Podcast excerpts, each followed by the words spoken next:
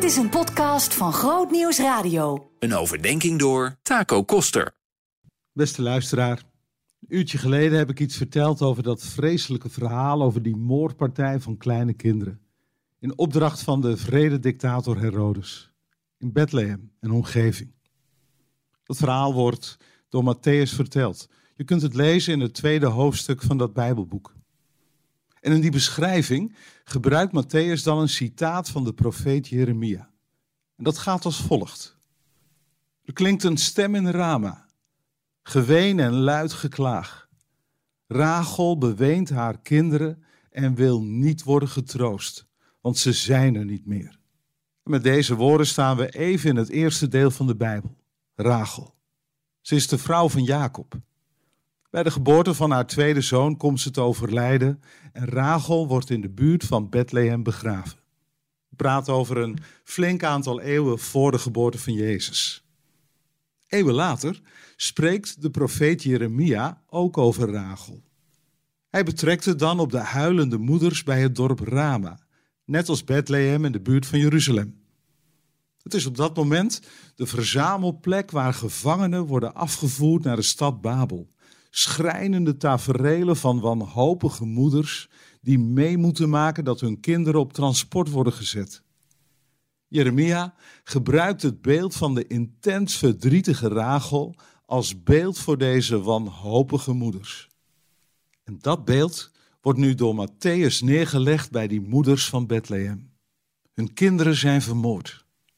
je voelt ergens wel aan dat je dit beeld op zoveel manieren kunt doortrekken. De moeders in Auschwitz. De moeders in Srebrenica. De moeders in Israël. De moeders in Gaza.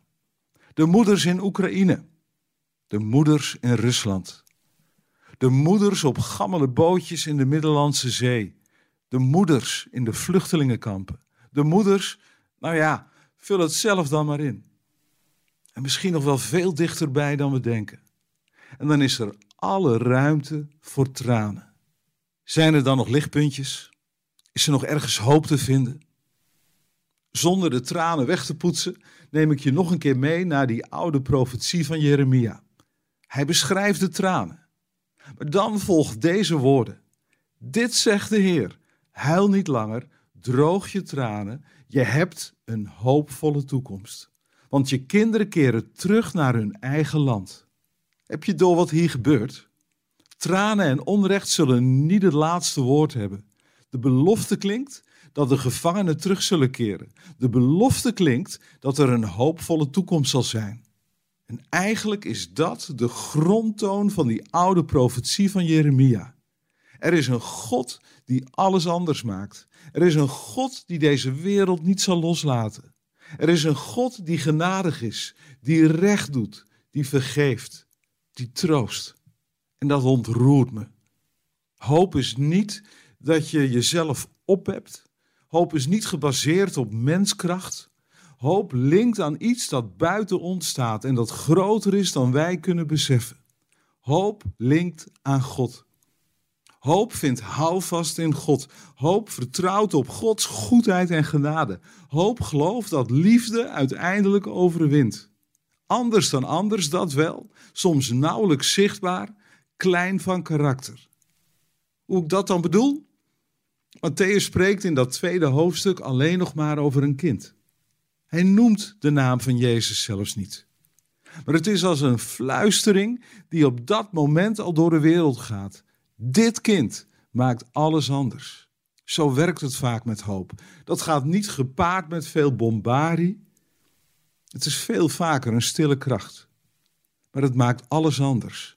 Ergens ontdek je dan, zijn naam is Jezus. Hij is redder. Door hem heeft God een gezicht gekregen op deze wereld. Door hem heeft liefde een gezicht gekregen op deze wereld.